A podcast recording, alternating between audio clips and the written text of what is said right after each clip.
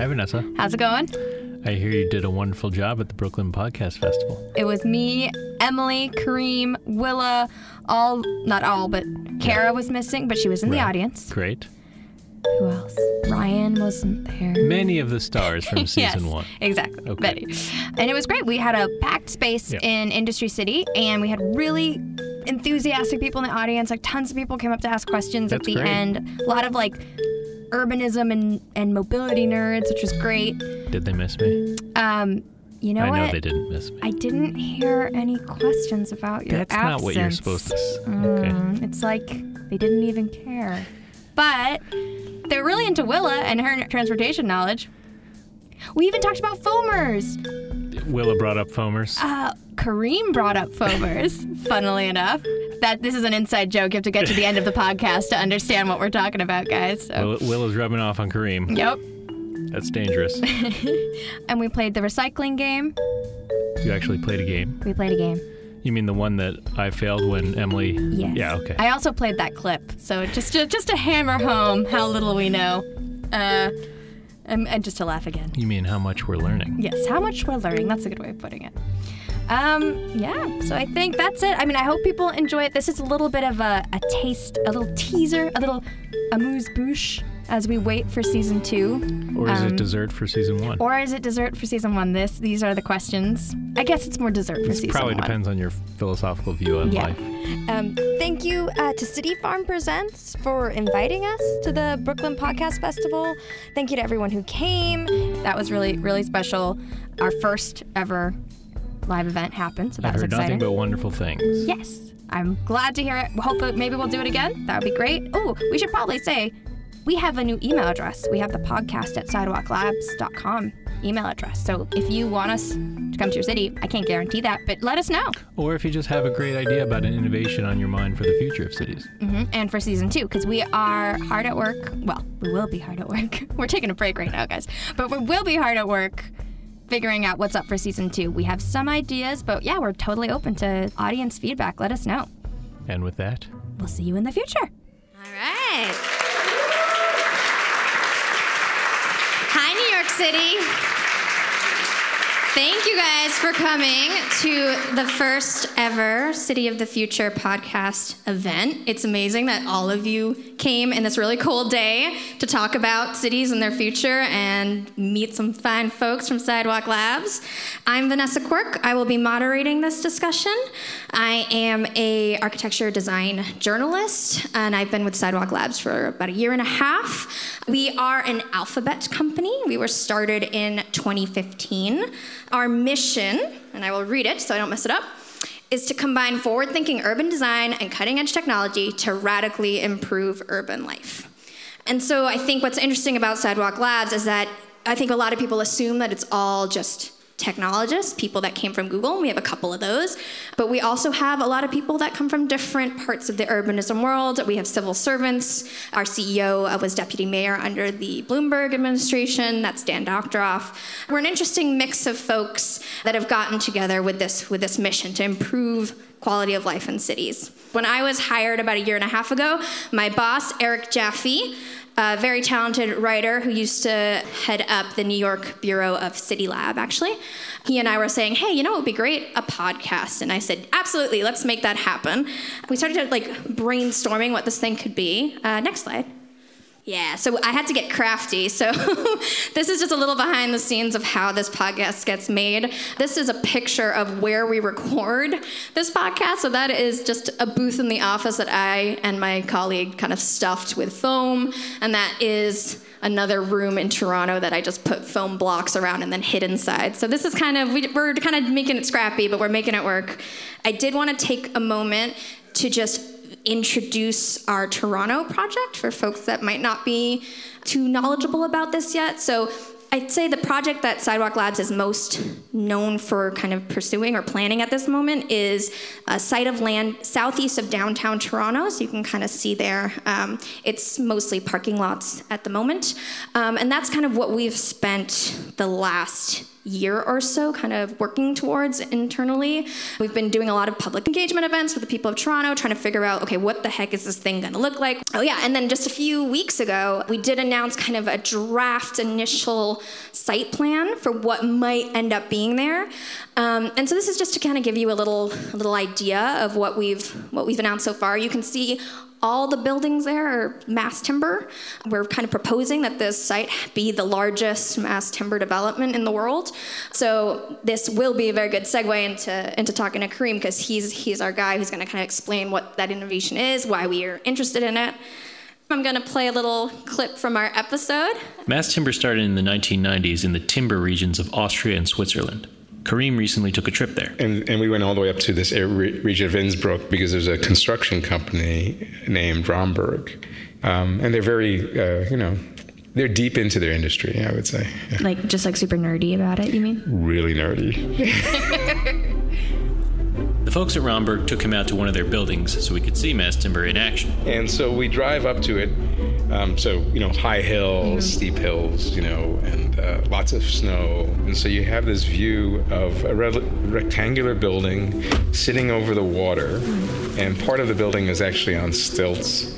Um, so it's actually almost cantilevered into this reservoir. And we assembled the building in 30 days, working days, in six weeks. And you walk up, and of course, you, you're greeted by two giant wood doors. And as you look around, everything has been done in wood, almost everything, I would say. The staircase was made out of wood, the floorings in wood, the ceilings in wood. Nice, really nice space. And then you have a 270 degree look across the lake. Big, beautiful windows, man. Wow. You know, it was kind of breathtaking, actually. If you go higher, this building, this tree system is designed for 30 stories. It's really, you can build three, four stories. Really nice. You couldn't walk into this building without a smile. These buildings are beautiful. Yeah. This isn't a big, tall, spectacular building. This is a five story building that feels spectacular, right? All right, so I'm just gonna start off with a pretty simple question. Would you mind just kind of introducing yourself, giving folks a little bit of a background about how you got to Sidewalk, what you were doing before then, um, and then we'll kind of get into into mass timber. Yeah, so I studied uh, mechanical engineering. I got out of school and I got three job offers in the nuclear industry. I ended up taking one of those, and about five years into it, I said, "This is all wrong." So my wife and I joined Peace Corps, and we decided to kind of reset our uh, our time, and especially my career. And I, I, came back out doing buildings and water and wastewater systems, really uh, on a global basis. And somewhere in '97, I really got uh, very specifically into buildings, and ever since then, I worked on them, uh, mostly hotels. And so I spent about 20 years with uh, Marriott working and uh, innovating their building systems and how to build uh, even greener buildings and modular buildings. And one day Sidewalk called me up and said, hey, why don't you come over here and see if you can do some of that with us. So I read an article that came out in Canadian Architect uh, this week, and it said that you kind of were quoted as saying like you've been wanting to make six, eight beyond story mass timber buildings before, and this was kind of the first time that you'd actually been given the opportunity to explore that. So, can you explain wh- why were you interested in this? How did you hear about mass timber? Maybe also explain what is it for folks that aren't too aren't too sure. But yeah, how did you learn about it, and why did it excite you? Yeah, so the first time I really got involved in it was I, I met a company in Europe. I was working in Europe from 2003 and there was a company that started to build buildings using slabs of mass timber. And mass timber means it's not just a raw piece of timber, but it's actually engineered timbers. It's sliced in about one inch pieces and, and, glued together and given special structural properties. And they were able to get up to six and eight stories. And they were assembling buildings, let's say, of these were hotels, maybe 100 hotel rooms in about three weeks. Um, and the, the, light bulb goes on, and I said, wow, you can do a really sustainable material and you can really go fast. And then I was like, I'm all about this. Can you explain why it's sustainable? Because I think some people would hear, oh, it's made of wood, but that does obviously you're cutting down trees. So can you explain why it is a sustainable material? You get certified timber, and certified timber means these trees were planted and cultivated in a regime that's that is appropriate to sustain and actually sometimes grow forests. they're cutting down trees that are very young, actually 10 and 15 years, because trees grow really quickly at the beginning of their life, and then they start to grow slowly, not very different than you and I. So they cultivate them when that, after that big growth spurt, and then they are uh, cultivated to then generate these pieces of timber that can be glued uh, together to create stronger uh, pieces. So, what's the sustainability of it? We all remember our photosynthesis uh, in biology, right? They're breathing in um, CO2 and then they turn it into part of their fiber makeup. So they're actually taking CO2 out of our atmosphere, right? And they're holding on to it. If we let them fall and decompose, they begin to release some of that CO2 back to the atmosphere again. But if we take them and actually preserve them, and putting them in the building is the way to preserve them, we then are actually taking CO2 out of the atmosphere as we build with using this material. So that's very different than the other materials that we typically build with, which is concrete and steel. Mm-hmm. Yeah, and we I mean we talk about that a little bit on the podcast, but I think the nice thing about this form is that we can get a, a, little bit more into into the details. Since on the podcast I try to keep it you know light and moving along. But I mean one of the things that I definitely got feedback on that they, people wanted to know more about was the fire safety part of timber because obviously we stopped using timber buildings for a reason you know hundreds of years ago. So before we kind of get into that conversation and i know you have some interesting new new things to tell the audience but before we talk about fire i do want to set up one clip from the episode. And to do that we need to set up who michael green is. So would you mind explaining who is michael green and how you met him? Well first of all i guess because i was following part of the industry i, I knew of michael green kind of afar. So I had this admiration for somebody who decided in his career that he would dedicate himself towards a sustainable building material. And it's a little bit in the podcast, if you listen to it, he has a very touching story about understanding how glaciers are melting and uh, trying to make sure those glaciers will be around for his children. But um, so I knew about him, and then I had this chance to go build tall timber, and they said, "Why don't we call Michael Green?" And I was like, "Awesome!" I mean, you know, I was kind of I was kind of starstruck. Um, and it's kind of a funny being starstruck with Michael Green because he's one of the most approachable people on yeah. earth. One of the most uh, simple and, and forward and available yeah. people, yeah. And, and he's an architect and he has a great TED talk. If you haven't seen it already, I, I highly recommend it. But um, so, I mean, Rob, would you mind would you mind playing this clip for us, please? It's easy to design and build these buildings, and they're totally safe. It's easy. What's hard is to change the public's perception of what's possible. More people are living in all wood buildings, including skyscrapers made entirely of timber. But critics worry timber buildings could go up in flames. Some fire experts are raising alarms. Fire experts are raising alarms. Wood could fuel an inferno that firefighters can't fight. Critics say it's the towering inferno waiting to happen. Everybody thinks they're the first person to come up with towering inferno. The towering inferno. Right, that movie from like the 1970s. It's out of control. They think that's the, the funny first line, right? And some people get super angry about the idea of building a wood building. The emotional response is just sometimes just so strong for some people, right? And you just have to remind people how fire works. Yes, wood burns, but everybody knows that if you take a big log and throw it on the fire and take your match and try to light it, that it can't you can't get it to start on fire. And so we find ourselves just telling those stories, reminding people of basic science a lot. Okay, so I just, I just want to get into this idea a little bit because we, we kind of go through it quickly on, on the podcast. But I mean, Michael Green does say there, okay, if you have a big log and you put it on a fire, it takes a really long time to catch flame. So, can you explain how that concept is still pertinent when you're talking about mass timber? Because it's not exactly obvious that it would be the, exactly the same, right? So, can you kind of dig into that a little bit? Yeah, so the, the, the a polished piece of wood, like a log, a perfect log, doesn't really have its fibers available to oxygen to actually start to burn, right? You need some oxygen in there.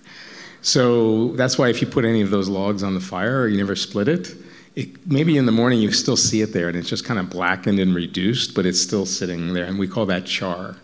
Right? So most of us know that you have to split a log, right? You, there's a, a, lot of activity around splitting logs, and a lot of people put a lot of effort into splitting logs because you need that fiber to be available to oxygen to actually be able to catch flame. So when we engineer these pieces of wood, we do the same thing. We leave a polished finish on the surface. And because of the char, which usually goes, you know, half an inch or an inch thick down on a log, the way to preserve the structural part of the, of the timber is to actually add a char layer of timber on the top. So it looks like it's all wood and structural, but actually those outer layers are just sacrificial layers in case there would uh, be a fire. And they can blacken just like that log in the fire, but you don't lose the structural piece on the inside. And I know that you kind of had some some news that you wanted to share about kind of new research emerging around this fire and safety testing. So do you want to tell us a little bit about about that? Yeah, so this is really exciting because we're going to talk about seaweed and eggshells here uh, instead of timber for a second. Um, but the other way to insulate these structural pieces is usually they put uh, drywall on the outside, right? And that drywall then insulates uh, the timber uh, center. So we were thinking, what's a better way to insulate this than using drywall? Because drywall is really not a great sustainable material. We end up with piles and piles of it in our uh, landfills, and then Emily can talk about exactly how much, but hundreds of tons would be created just in this project. So we found a substance that's been around for a thousand years or more in Japan that's called shikui plaster, and it's made using slake lime and seaweed and eggshells and they compress it at very high pressure and they turn it into basically a paste or a slurry. And we're coating our panels then on the outside to be fire resistant. And so we decided to play with it and approach some companies that would do this with us. And finally, yesterday, so this is really great new news, we put it into an Underwriter laboratory test cell and to see if it would sustain a two hour fire barrier, which is the fire barrier we all need inside of buildings. And it passed. So you're the first time I ever said that. So, I don't think I've ever heard a clap for sea seashells and whatever. Isn't awesome? Woo, good crowd. You, you, guys had no idea you'd be clapping for that today when you woke up, did you? Um, but basically, uh, this material, the real exciting thing is it's rated as cradle to cradle. That means it's it's created in a very sustainable way, but it also retires in a very sustainable way. So any uh, remnants of this material, if you want to throw it away, you don't put it in your trash. You actually just mix it into your flower pot or mix it in your garden. So it's, it's a natural um, fertilizer. So I mean, this is a really uh, fascinating moment to be able to mm. change uh, something like drywall out of the waste stream right. and create something that we can use as fertilizer instead. Okay, I, I wanted to ask you more stuff, but we've we've capped up on your 10 minutes, so I'm gonna to switch. So if you guys have questions in the audience, just make sure to, to save them for the end portion here. But um, but I would like to move on to, to Willa. Oh, Emily? Emily's next on the slides? No? Wait, wait. Okay, we're gonna we're gonna do Emily. Rob, we're gonna throw you for a loop here. Would you mind playing the Emily clip rather than the Willa clip? Should we switch spots? I'm pretty warm here.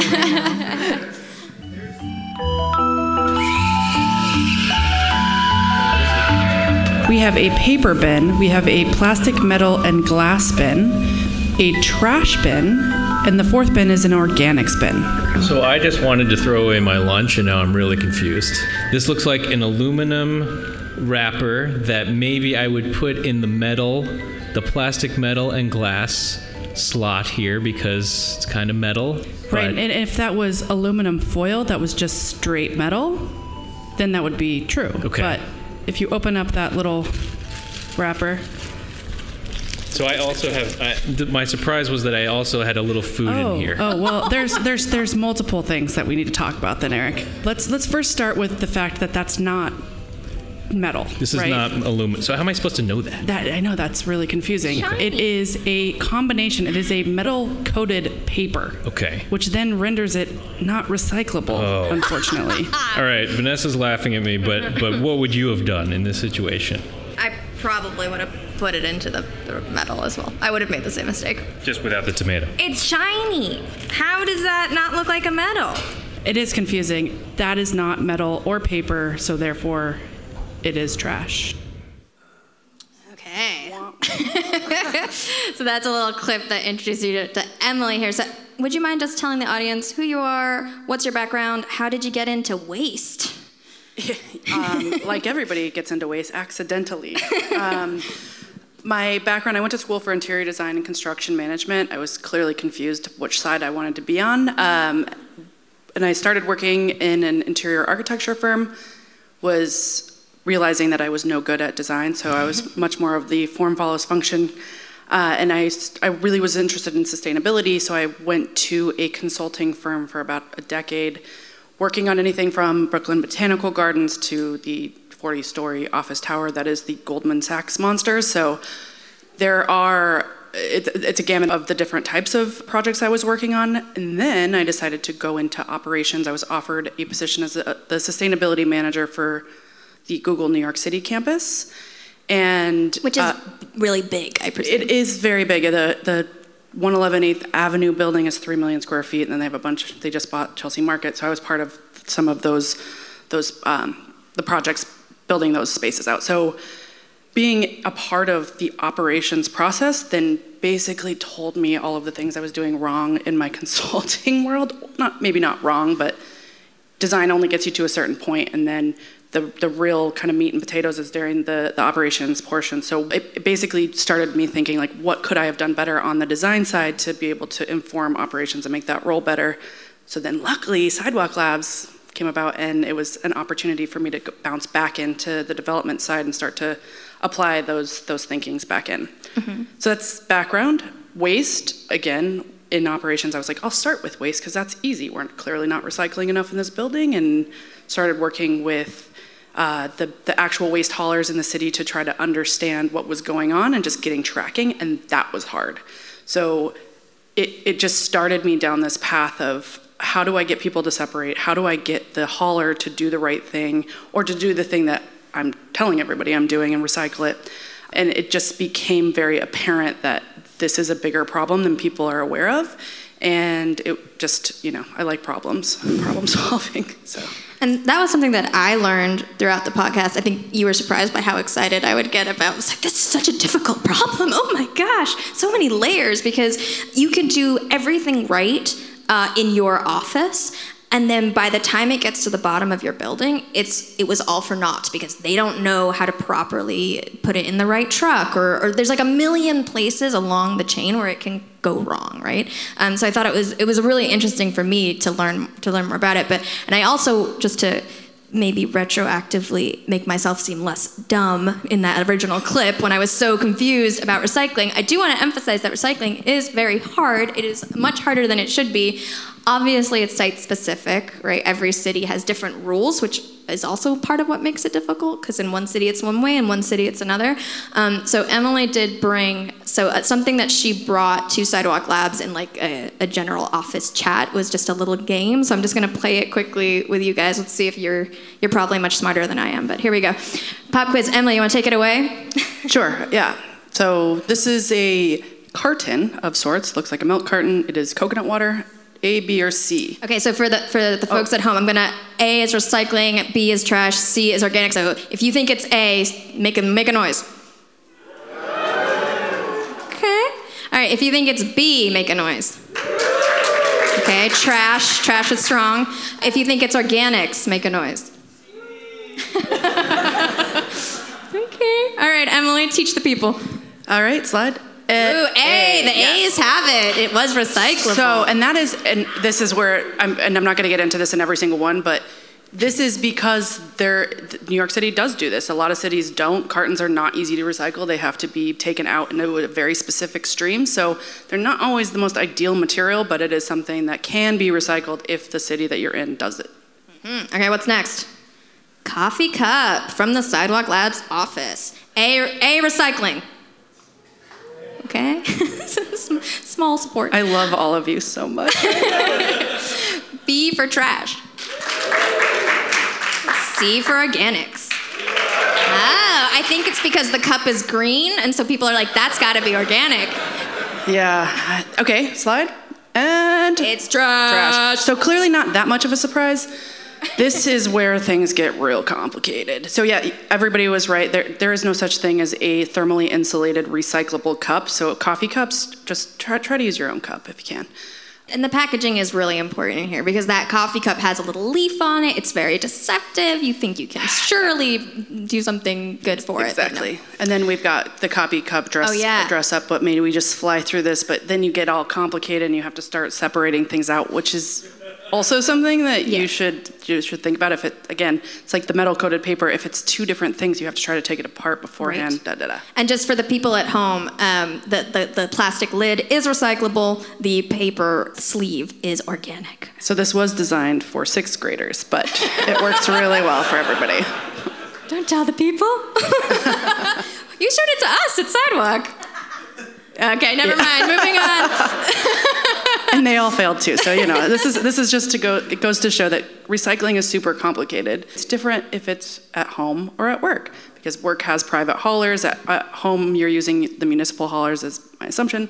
So New York City has their rules and their transfer stations and material recovery facilities, and then their, your work has a different one. Mm-hmm. So just to make it more complicated. So unfortunately, I, I took all of your time in the recycling game, but That's all right. we will get had fun, back. right? You guys, I'm sure, want to know a lot more about recycling, so we'll get back to you. But now let's actually go to Willa. If do we have a Willa slide? Okay, we're gonna use this one because the Willa slide went went missing. But um, Rob, could we have the the Willa clip, please? Green waves are fun. So just talk about waves in general, right? So you can kind of picture a wave and it's breaking, you know, as it rolls in towards the shore. And there's a surfer right on top of that break. And as long as he's riding that, he keeps going. But instead of a surfer, it's a car. And if a car was traveling at the city speed limit, they would just hit green light after green light after green light after green light. So cool. Yes, yes.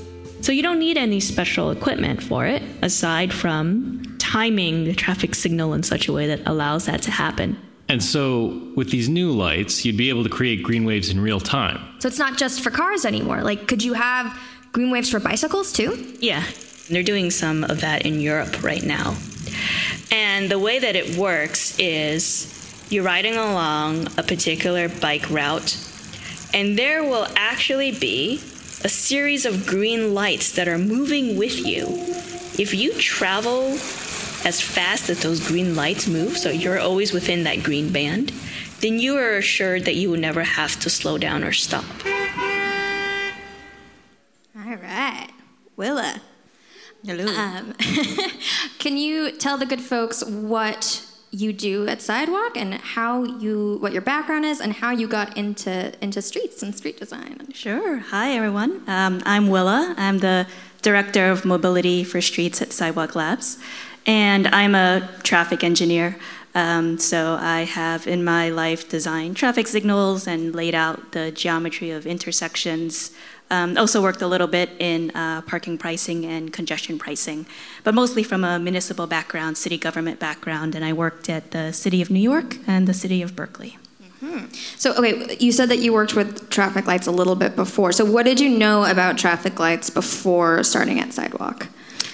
Uh, well, about traffic lights, I mean, they're everywhere. Yes. Um, I've noticed. uh, uh, ada- I mean, adaptive traffic lights in particular, which we talk about during the podcast, is they're actually decades old. So if you've ever used a pedestrian push button, that's technically a adaptive traffic light.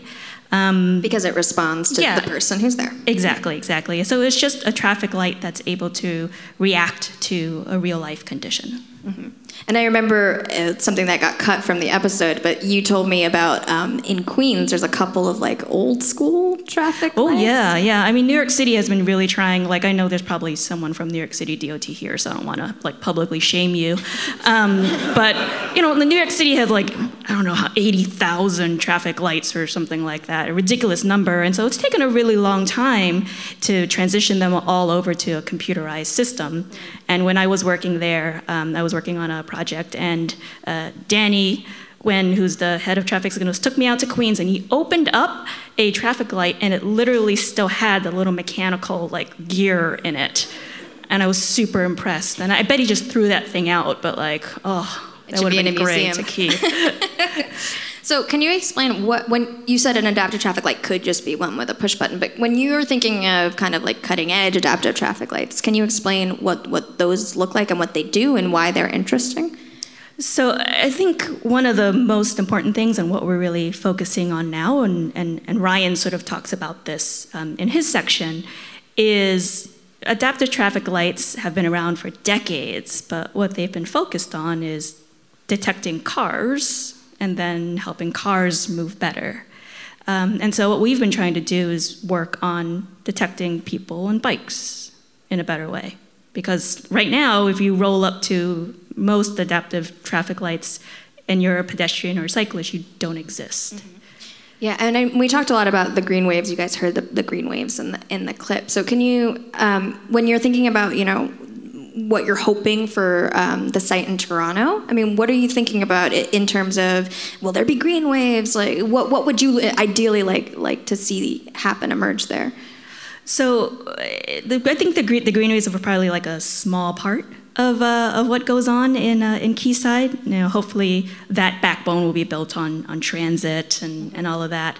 Um, but we are hoping to basically demonstrate to Toronto and, and to, the, to other cities that um, you know, you can give that type of priority and that type of experience to cycling that is usually now given to cars. So, like we talked about having the cars not stop, let's have the bikes not stop.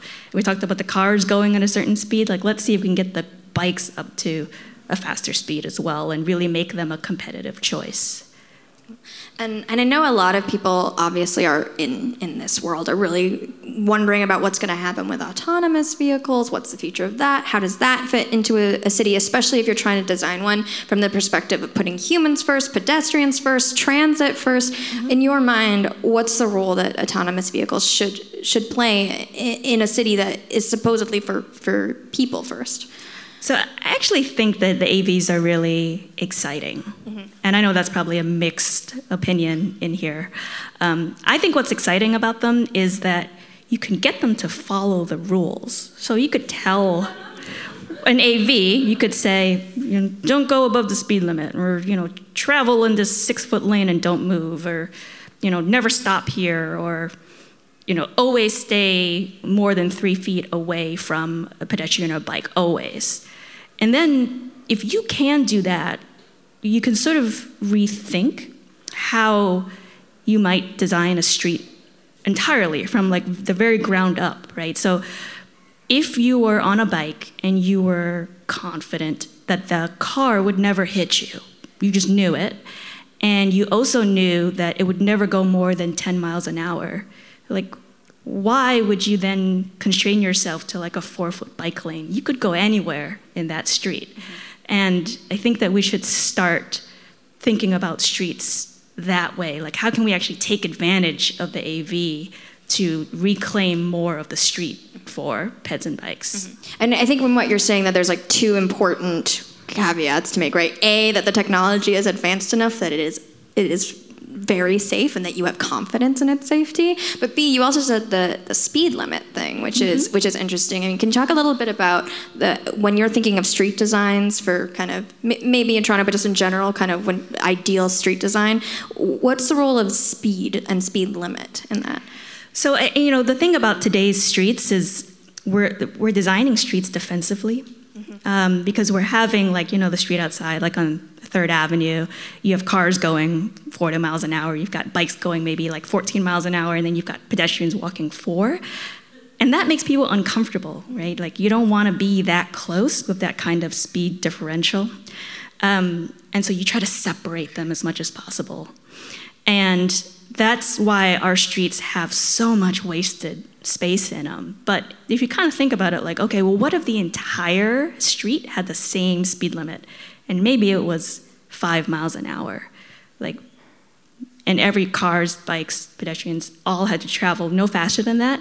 But you can actually start to imagine this, those people mixing more freely in the street and being comfortable doing so. Mm-hmm.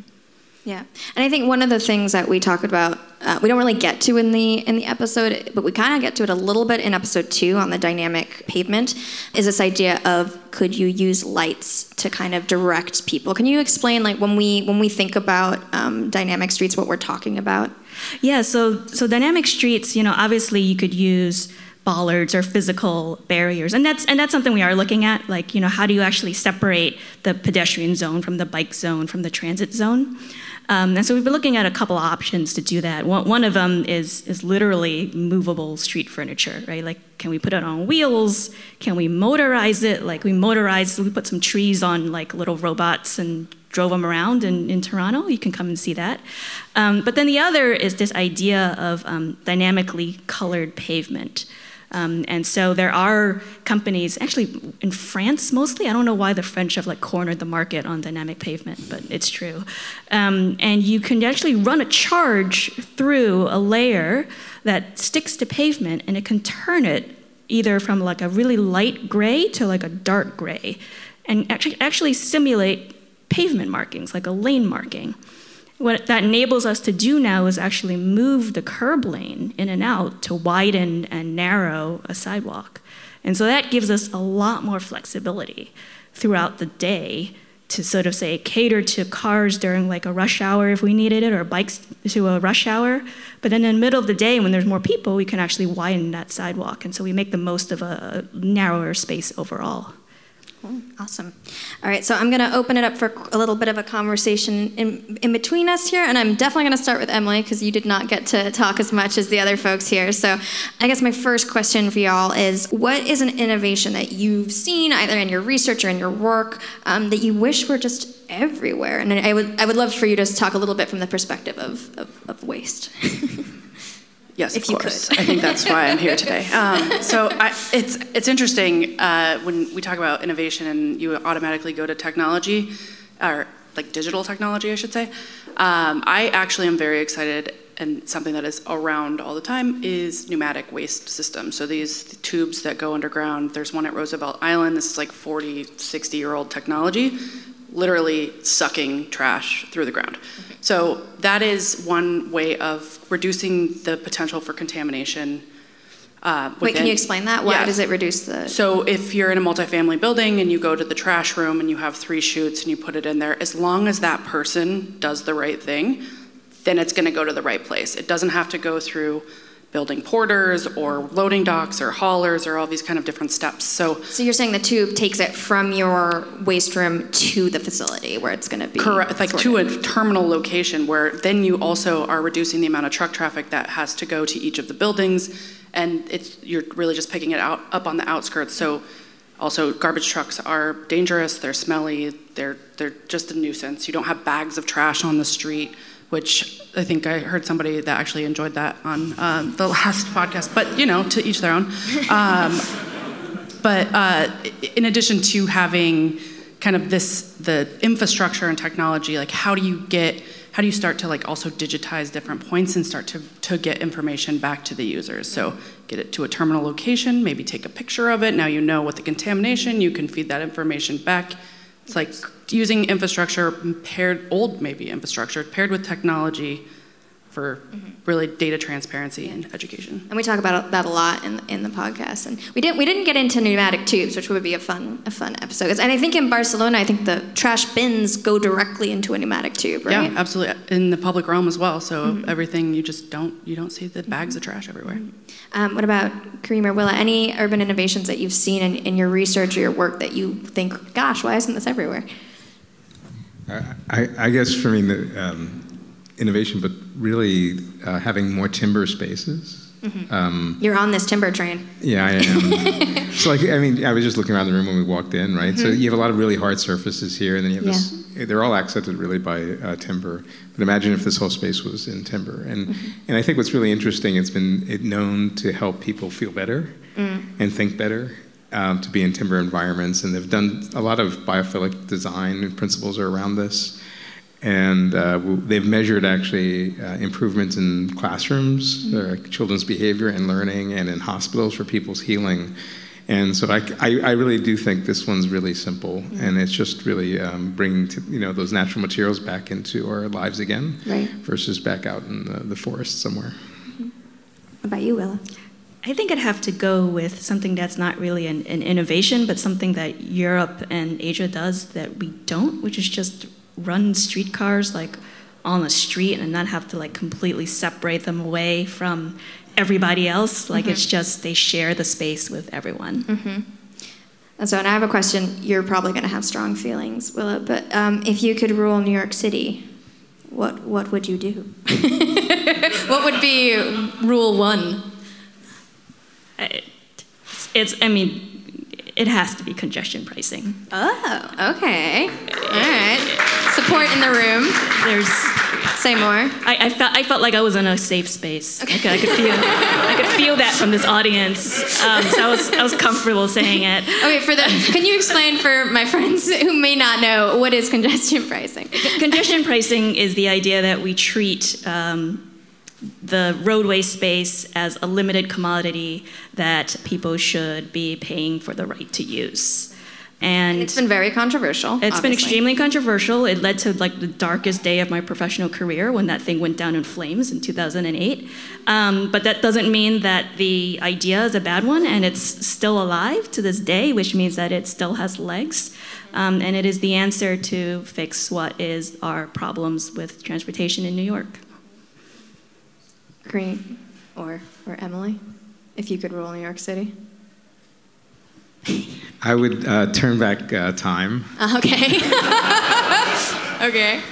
And I would, uh, Thomas Edison um, actually uh, ruled the electric uh, works in New York City originally, and uh, New York was a DC powered city. Actually, the last building was just retired maybe in 2008, 2009. Another dark reason for that year, I guess. Um, but I think DC's on a comeback. So, you know, uh, he, lost because Tesla was doing AC power, which could transmit over large uh, distances. Nicholas Tesla, we're talking history. We're talking about just Nicholas to, Tesla. Just to prime the audience. Yeah. You guys don't all know who Tesla is? It's- It's not a car guy, okay? Um, but it, but what, that was good for centralized power stations. And now we talk about microgrids and, and having power much closer to buildings and communities and to be more resilient and, and all that. And so now DC comes back. And that's why I think if we went back to Edison's time, we would be really in a better place today. We could supply our, and uh, create our own energy locally and consume it locally. And thank you, Kareem, for teasing season two, because we're probably going to do an episode on that. Uh, Emily, thoughts? New York. I mean, I'm, I'm a big fan of the DC power Mhm. answer, but because I will stay on waste, I think uh, single use disposables, um, Mm. either having another opportunity to, I think New York City is really big to try something like Amsterdam, where you have a, a system where everybody uses the same, and then there's a, a city infrastructure that actually cleans and reuses those. Maybe that doesn't work, but um, there, there's got to, that, there's a huge problem in New York City, bags and to-go containers, takeout, Amazon packaging, all that Right, stuff. So right. I think if you ask Andrew Winters what you would like a shout out, that edible packaging is really the way of the, The future. you heard it here first. Edible packaging is the future. All right, well, I'm going to open up the floor. I think we have probably around 10 minutes, so come with your questions. Hi, my name is Amy. I work with a nonprofit and we track cities' climate action. And Nice. so one of the things that you guys mentioned was about AVs, but I was just curious about um, EVs because cities have a really hard time financing that infrastructure because it's it's cheaper for a private citizen than it is for a city I work with to try and electrify their their vehicle or kind of make it more more accessible for their citizens to charge their cars. So, what's your take on it? Yeah, charging infrastructure is a big, big one for that one. Yeah, you had promised me 100% charging, right, at all the spaces and parking in Toronto. I mean, I think that that it's very important, and we are planning to have charging capabilities for every vehicle um, that enters the Toronto site. Cool. Next question. Go for it. Hi, I'm Jeremy. I work Hi. for Jet.com. Uh, and one of the things that makes me sad about my job is seeing all the boxes on the street. Yeah. So you mentioned that you would like to see some sort, or Emily mentioned that you would like to see a centralized way of reusing something. So can you think of any way that we can uh, reuse like boxes that we ship to people? Does it have to be cardboard? Can we send some sort of plastic thing that gets picked up and reused over and over again? Yeah, yeah. Uh, yes, and yes. Cool. Because edible packaging is probably more difficult than um, than some people at Sidewalk would like to believe. Uh, we we have been kind of playing with this whole idea of this urban consolidation center, where if things are are packaged and shipped, and then able to come and, in reusable containers that maybe come to you, maybe they know where you are, maybe they don't. Um, but then you're able to actually use that like some kind of back channel method. So if you did have cardboard or, or oversized waste or whatever it is, that that could then be also utilized to go back. So now you're not you're also not wasting energy, of like only not having the the back channel opportunity. So yeah, it's super hard, and the, it, there's always kind of this this line you're trying to toe before, between like privacy because you don't want to just like unwrap everybody's packages and then like send it to them so there's not cardboard everywhere but it's definitely there's opportunity for improvements there for sure. For sure. Hi what's your question? Who are you? Hi uh, my name is brian. I work uh, for a nonprofit in tech policy uh, specifically to emily. Um, i know the city has sort of re overhauled their commercial waste plan.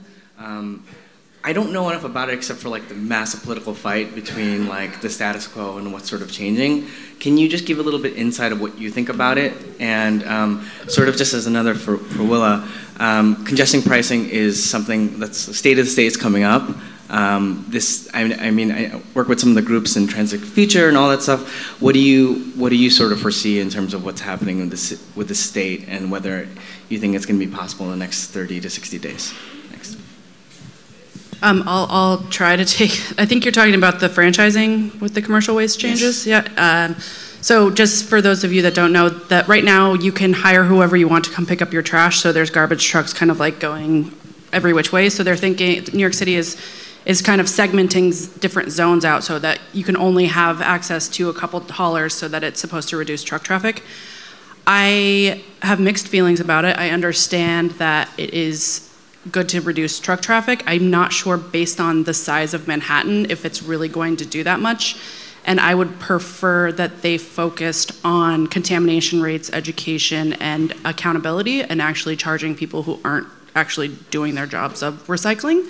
Um, so uh, that's that's where I'll stop, so I don't get in trouble.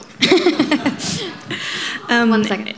Sorry, just before the next question, Will, if you want to tackle the congestion pricing sure, question. Sure, uh, the, the congestion pricing question. I mean, the, the big reason that it, we failed in 2008 is that it was a city generated initiative, um, and the state refused to even hear it. And so I think that the way for congestion pricing to happen is for it to come from the state level. So I am excited about the possibility that the state of the state might include something about um, the governor proposing congestion pricing as a way for um, New York City to fund its subway issues.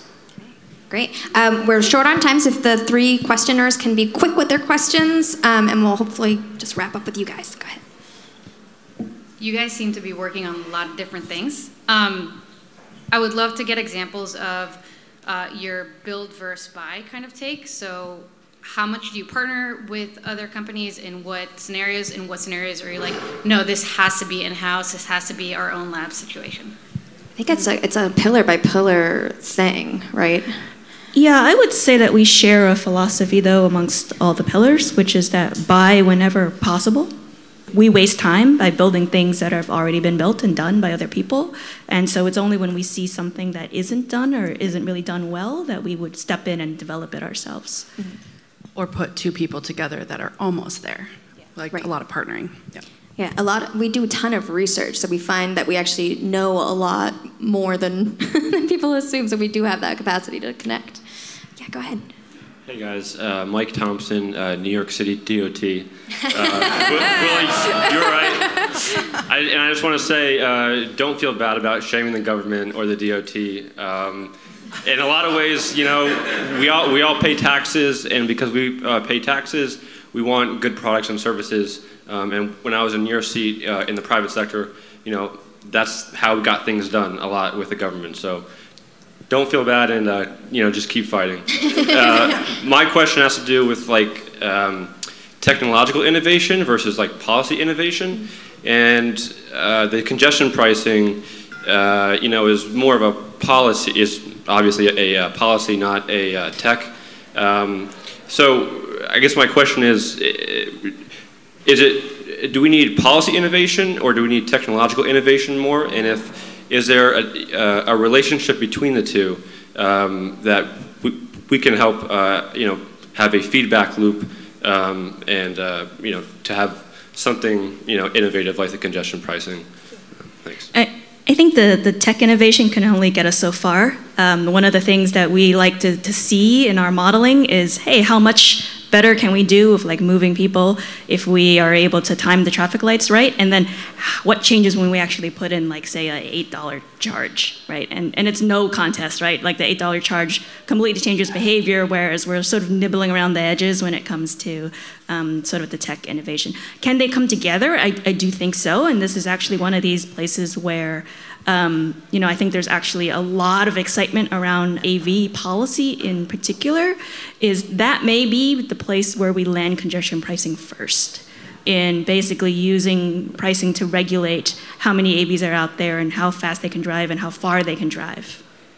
Great. Last question. It's another question for Willa about congestion pricing. Sorry. Wow. My, my name is Hot Bargav. topic. Yeah.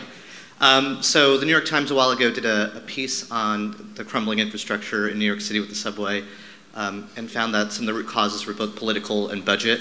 And so if congestion pricing were to be adopted, um, how does that affect the more the amount of people that will move towards mass transit, a mass transit system that is not going to be able to keep up with the current capacity as it is?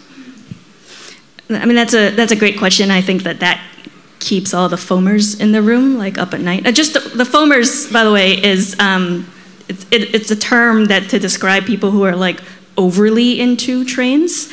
Um, and Foaming it comes at the mouth Yes, yes. it. It, it comes literally from like it, when the first British steam engine was on the track, and there were people who came and they're literally foaming at the mouth because they were so excited about it. And, and, and, so, and so that is me, and people at work make fun of me about it. Um, so I, I really can't you know, really speak about the, the policy. Like, you know, we have policymakers and, and, and uh, politicians and decision makers to do that. But we're already in a hole with the infrastructure, and really the only way to climb out of it is with better funding. And where does that funding come from? Um, I think that there's a lot of ideas, but congestion pricing, it does have the capacity to generate so much funding for our infrastructure and for our subways that I think it deserves a serious look. Okay. Thank you guys. Thank you all for coming. Uh, if you haven't subscribed to City of the Future, go ahead, give it a subscribe. It would be great. Um, my sister has stickers for any City of the Future fans. So she's there in the teal, the lovely teal. So if you would like a sticker, ask her. And thank you again for coming. This was great. Our first show. Thank you. See you in the future.